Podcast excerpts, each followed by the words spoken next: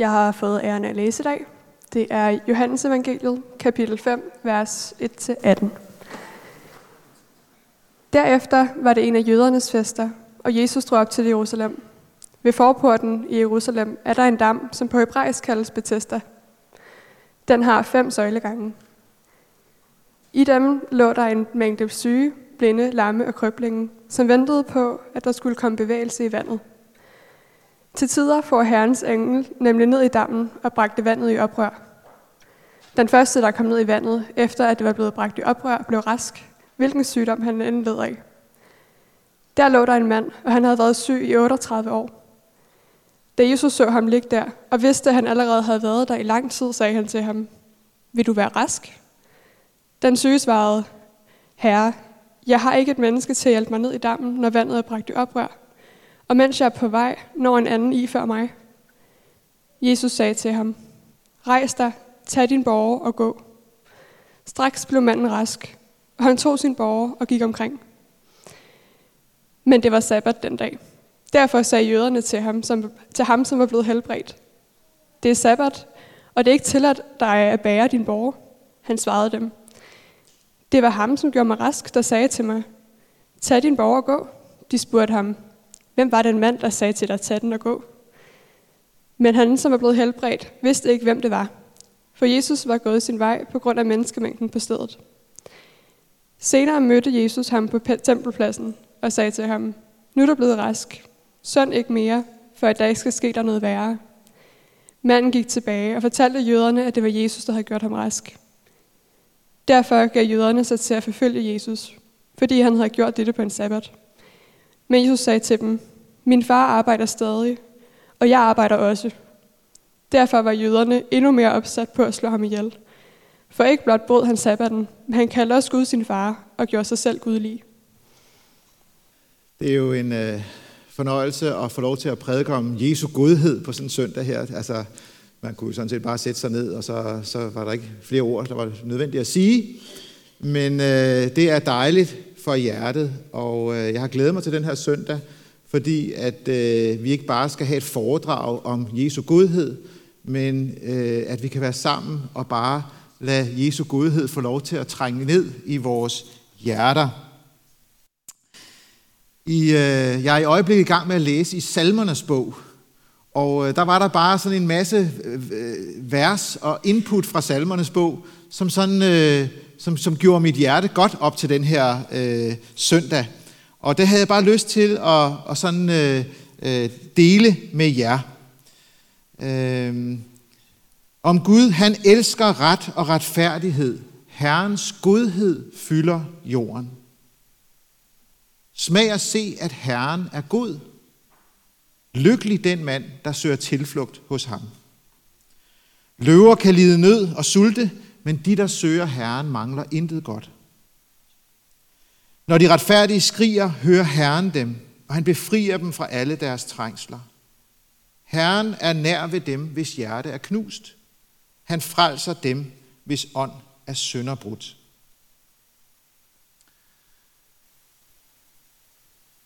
Fantastiske ord om Guds godhed til os.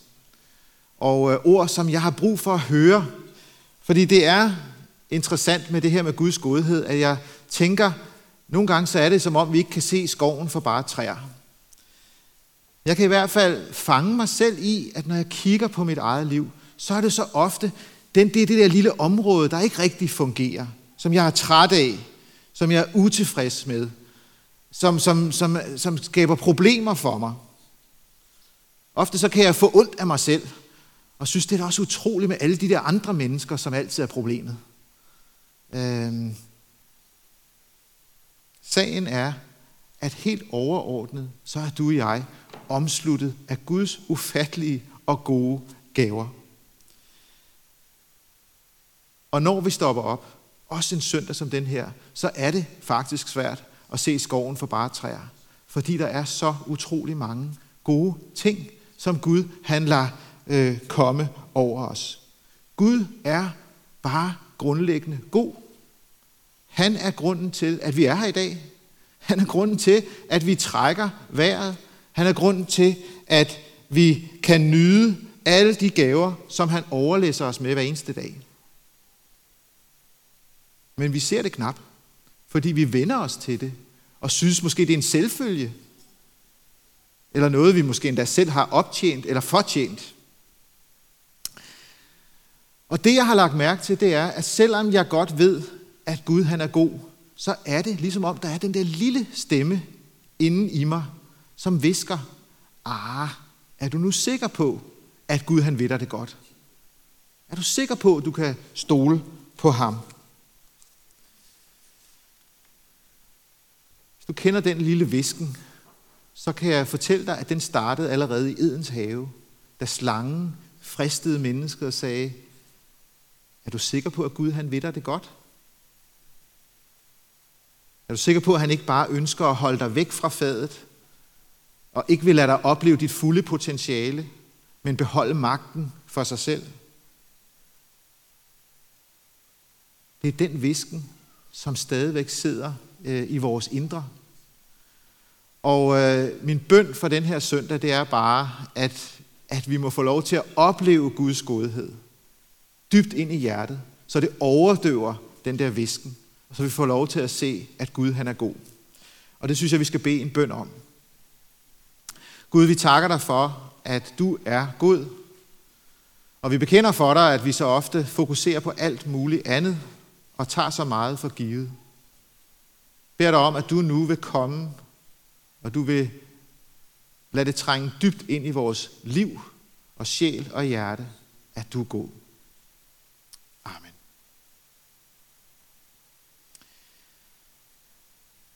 Det forunderlige ved, ved Guds ord, både som vi har hørt nu læst op, men også i de her salmer, det er jo, at det gør noget ved os. Det gør noget ved mit hjerte at høre de der ord.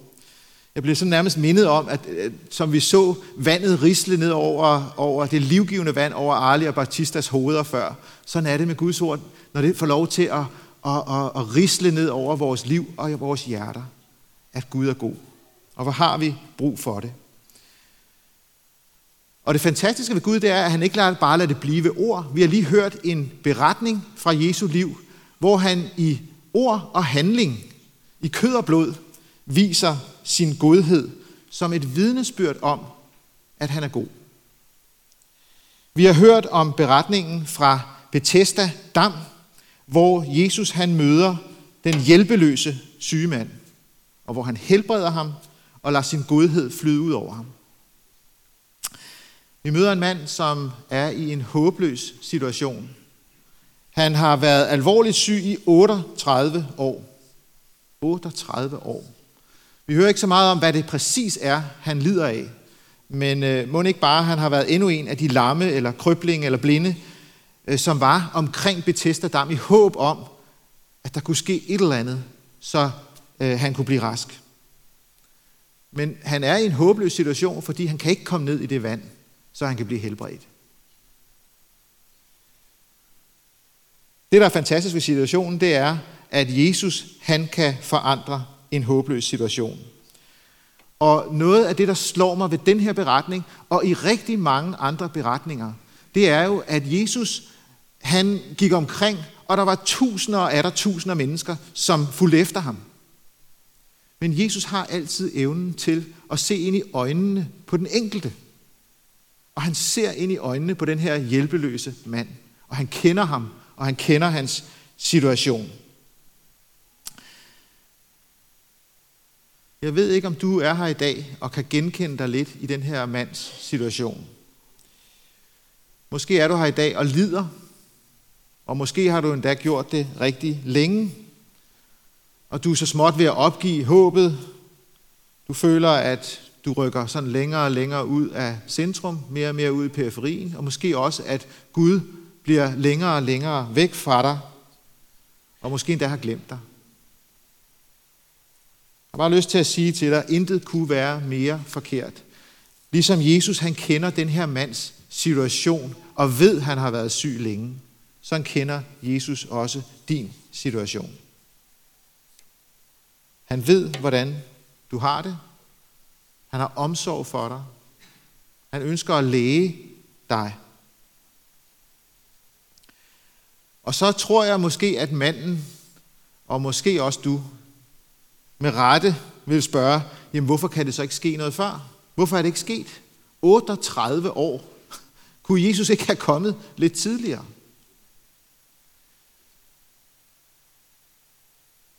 Jeg har lyst til at sige, at, at øh, jeg har også oplevet på min egen lille krop, eller større krop, øh, at få skader i knæene og have en hjernerystelse som, som øh, for 4-5 år siden, som ikke helt sådan vil løsne sit greb. Og jeg har bedt Gud rigtig mange gange om at helbrede det. Jeg har også været til forbøn mange gange, både her øh, om søndagen og, og, og sådan øh, i ugens løb. Og det har jeg været rigtig, rigtig glad for. Jeg har bare lyst til at opmuntre, hvis, hvis du er syg, så, så, så gør, brug den mulighed og, og lad nogen af os og forbederne og dine venner osv. bede for dig. Det har været rigtig godt og trygt at kunne lægge det over i Guds øh, far, øh, Guds favn. Men jeg er ikke blevet helbredt øh, for mine fysiske skavanker. Og jeg ved og kender mange af jer her, som sidder som har været syge i mange år, og som har bedt også de samme bønder, øh, og ikke blevet helbredt. Og hvorfor? Ja, jeg tror helt grundlæggende, så er der ikke noget menneskeligt svar på det. Udover det, som en jeg kender, der havde været udsat for et voldsomt hovedtraume på et tidspunkt. Et hovedtraume, der i mange år satte ham ud af spillet, og stadigvæk sætter store begrænser for hans liv. Han sagde øh, en dag, hvor vi snakkede sammen, jeg ved, at jeg bliver helbredt. Om det bliver på den her side af døden, eller først i evigheden, det er lidt usikkert, men jeg ved, jeg bliver helbredt. Og midt i det her, så må jeg bare sige for mit eget vedkommende, at jeg oplever, at, at de her ting, som, som rent faktisk sætter en stopper for min, for min livsudfoldelse, at det ikke bare efterlader mig i sådan et tomrum. Jeg har selv oplevet, at det gør mit hjerte lidt større for dem, der oplever de her ting. Så Gud han arbejder med mig, også selvom han ikke bare giver mig det, som jeg så gerne vil have. Gud er god, og du er ikke glemt, også selvom du har været syg i mange år. Det, som er bemærkelsesværdigt ved, ved Jesus, det er jo, at hans godhed og omsorg, det, øh, øh, det er en betingelsesløs kærlighed og omsorg og godhed. Hvis I lagde mærke til teksten før, så øh, vidste manden ikke engang, hvem er det, der er hel- Han anede ikke, hvem der havde helbredt ham. Så det er med andre ord ikke sådan, at Jesus han stiller sig op og siger, for at jeg vil helbrede dig, så skal vi lige have styr på her, at så, så er der altså nogle betingelser med. Så forventer jeg faktisk. Jesu godhed er bare sådan, ja, han helbreder ham, og så er han nærmest væk i mængden. Så manden aner ikke, at det er Jesus, der har helbredt ham. Fordi Jesus, han er god. Gud, han er god. Han stiller ikke en masse betingelser op. Det er ikke noget for noget, eller at en helbredelse skulle være en belønning på, at du er værd det, eller at din tro er stærk nok osv. Guds godhed er betingelsesløs.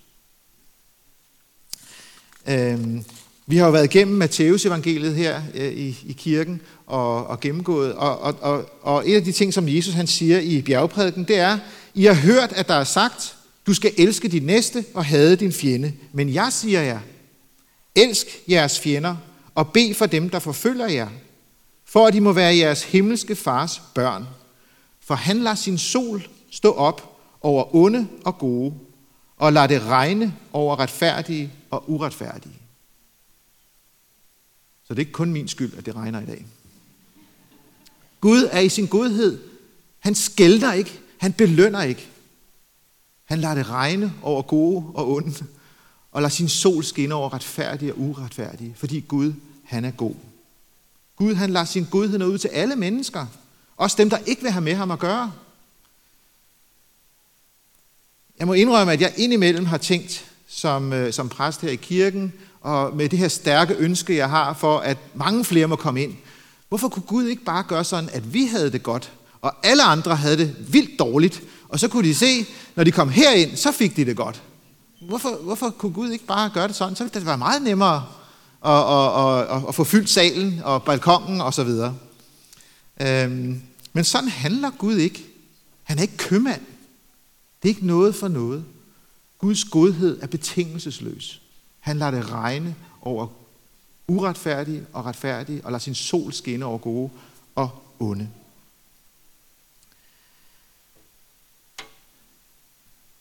Så ved jeg ikke, om I lagde mærke til, hvad Jesus han sagde, da han senere møder den her mand. Så sagde han, nu er du blevet rask. Synd ikke mere, for at der ikke skal ske dig noget værre. Så sidder man jo og tænker, noget værre end 38 års sygdom og invaliditet og uden håb. altså 38 år, for at der ikke skal ske der noget værre. Jeg kan ikke rigtig komme i tanke om noget, der er meget, meget værre. Livet er ødelagt, spildt, håbløst.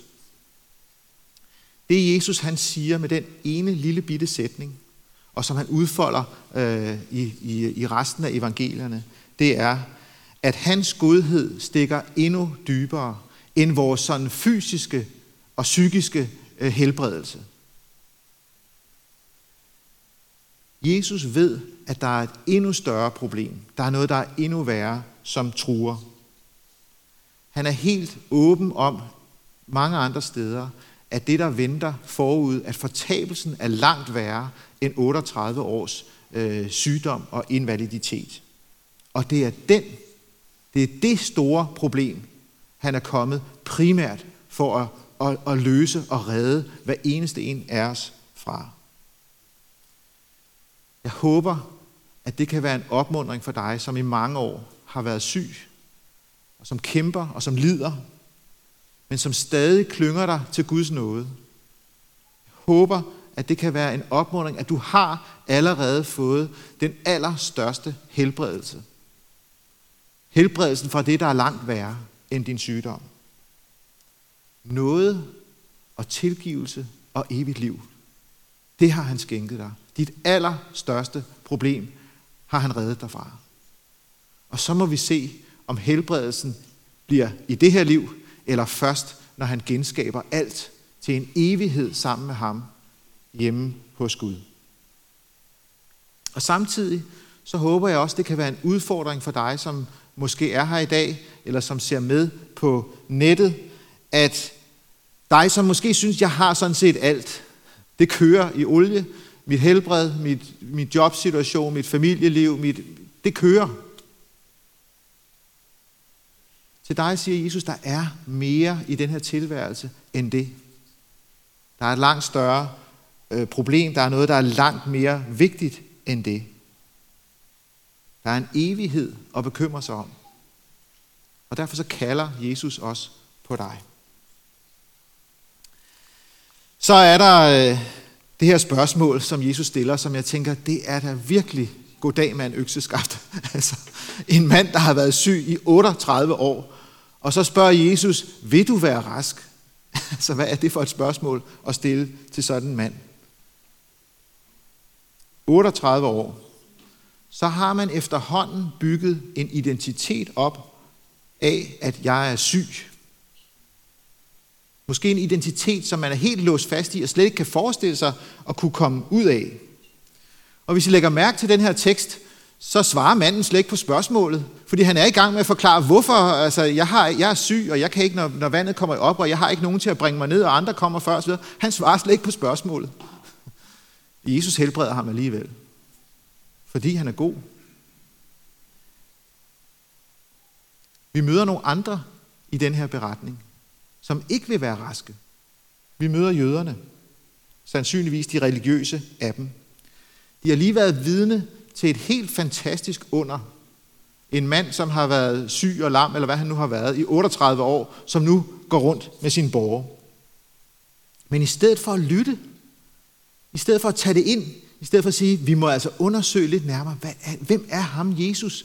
Fordi han kan noget, og han siger noget, som ingen andre kan. Så kaster de sig ud i et eller andet absurd trip om, hov, du, man må ikke bære rundt på sin borger på sabbaten, der er noget galt. Vi må have fat i, hvad, hvad, hvad, hvad der foregået. At det virker fuldstændig absurd. Lad os få ryddet ham af vejen. Vil du være rask? Det spørgsmål stiller Jesus også os i dag. Jeg ved ikke, om det er sygdom, om det er bitterhed, eller om det er modgang i dit liv, som spærrer for Guds nåde, som spærrer for, at du ikke lukker Jesus ind. Bitterheden, som bliver hårdere og hårdere for hver dag, der går.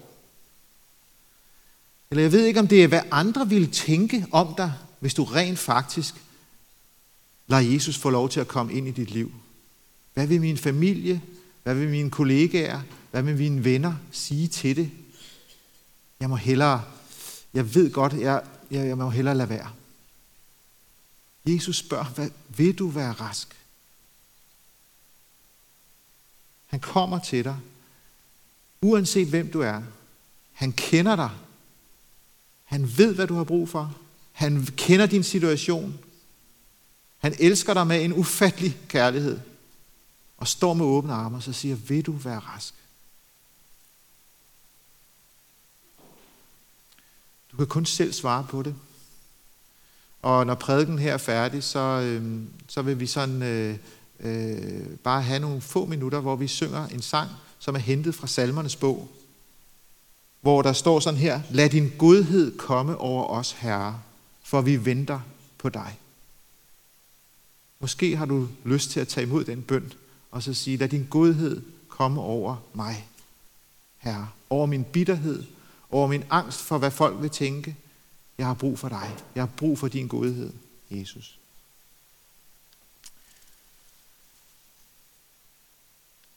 Og så til sidst, hvis I lader mærke til det, så finder den her beretning sted ved Bethesda Dam. Og derfor så har den jo endnu mere relevans for os, som er samlet her i dag.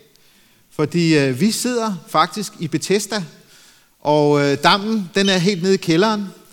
Øh, jeg, ved, jeg, jeg er lidt usikker på, jeg har undersøgt, jeg er usikker på, om det er den samme dam, men, øh, men, øh, men i hvert fald, så, øh, så øh, er netop den beretning, som vi har været sammen om, den danner grundlaget for det her hus, at, den har, at det her hus har fået navnet Bethesda.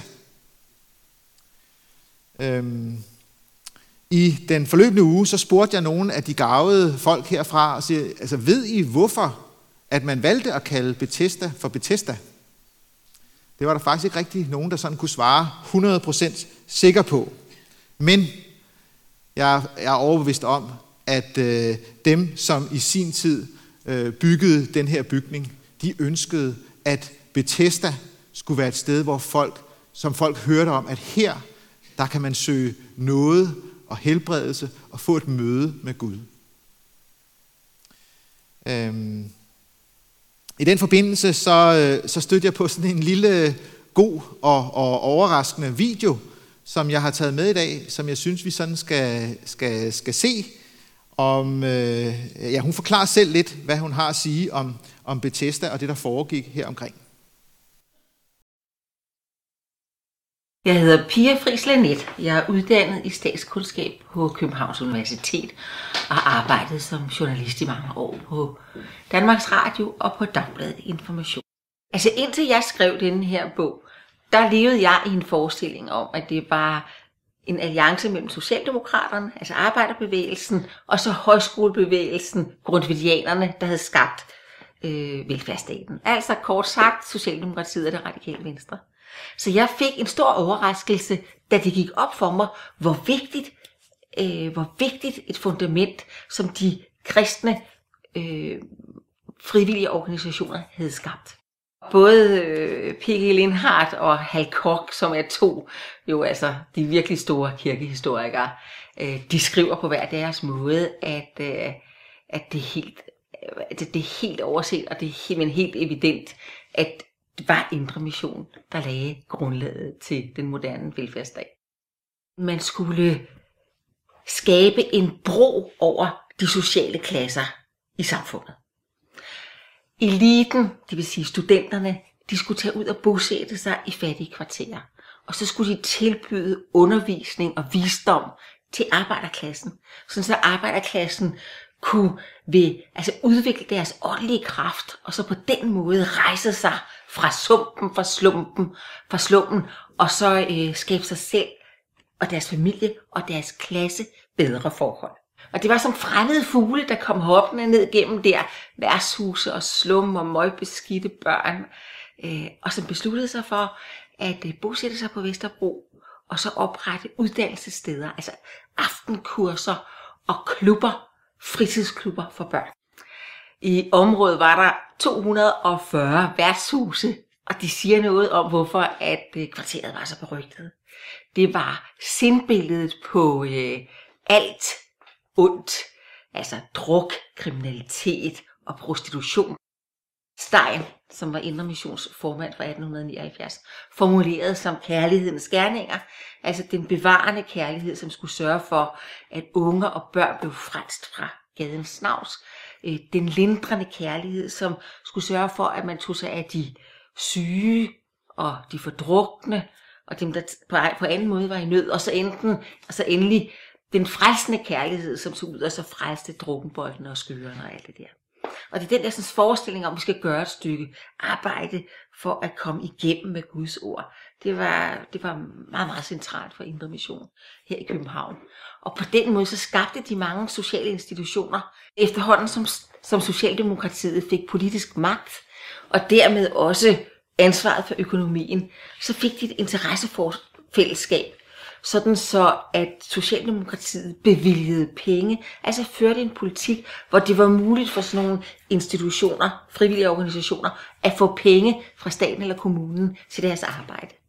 Men det var de kristne organisationer, som skabte fundamentet for det. Min øh, mor er opvokset i Hejnsvig Vorbasse, hvor det var den sorte form for indre mission, som herskede, og hun blev enig mor i 48, og det var bare ikke sjovt sådan det indre missionsk miljø.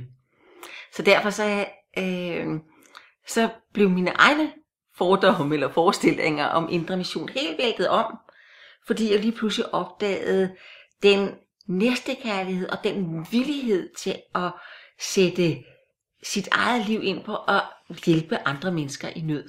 Selvom de arbejdede med at styrke deres moral, så vidste de godt, at det nyttede ikke noget, uden at skabe bedre boligforhold og arbejdsforhold og levevilkår for folk i, i arbejderklassen.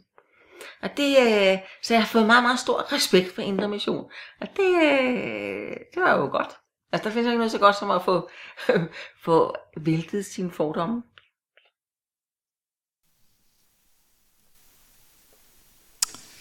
Ja, Bethesda har virkelig været et epokegørende for, for, for rigtig, rigtig mange ting her i København. Nogle folk, som havde oplevet Guds godhed, øh, og som ikke kunne lade være med at sprede det øh, til, til, til de mennesker, som virkelig var i nød og er i nød øh, rundt omkring, og, øh, og, og samtidig med, med evigheden for øje. Øhm. Til allersidst, så Bethesda, det er hebraisk, og det betyder nådens hus. Og øh, vi har jo i dag været, ind, været, været vidner til, at det her det er nådens hus. Øh, Bautista og Ali har fået skænket Guds nåde, øh, og vi er mange her, som søndag efter søndag og uge efter uge får skænket Guds nåde. Øh, og derfor så har jeg bare lyst til at opmuntre og, og sige, Gud han er god. Han, øh, han ønsker at frelse os fra det, der er værre. Og, øh, og han møder os alle med godhed. Og derfor så, øh, så har jeg bare lyst til at sige, har du lyst til at være med til, at Bethesda Dam, eller Bethesda, hvor vi er nu, kunne være det sted, som folk flokkes til for at møde Guds godhed, og for at møde lindring og velsignelse og helbredelse, og, og, øh, og helbredelse for det, der er værre. Det har jeg lyst til at indbyde jer alle sammen til at være med, og tak jer alle sammen for at være med i det. Amen. Lad os bede. Jesus, vi takker dig for din ufattelige godhed mod os. Tak for din ufattelige kærlighed til hver eneste en af os. Og du kender vores lidelser. Du kender vores sind. Du kender vores tanker. Du kender vores spørgsmål. Og jeg har bare lyst til specielt at bede dig for dem hos os, som lider, også lige her i dag. Kom du til dem med din nåde og med din godhed, og lad dem mærke, at du er nær. At du ikke har glemt dem, og du ønsker at velsigne og helbrede. Jeg beder dig om, at vi alle må tage imod din helbredelse fra det, der er værre. Så beder jeg om, at du vil gribe ind og lindre helbredet for det, der gør ondt i vores liv og i vores hverdag.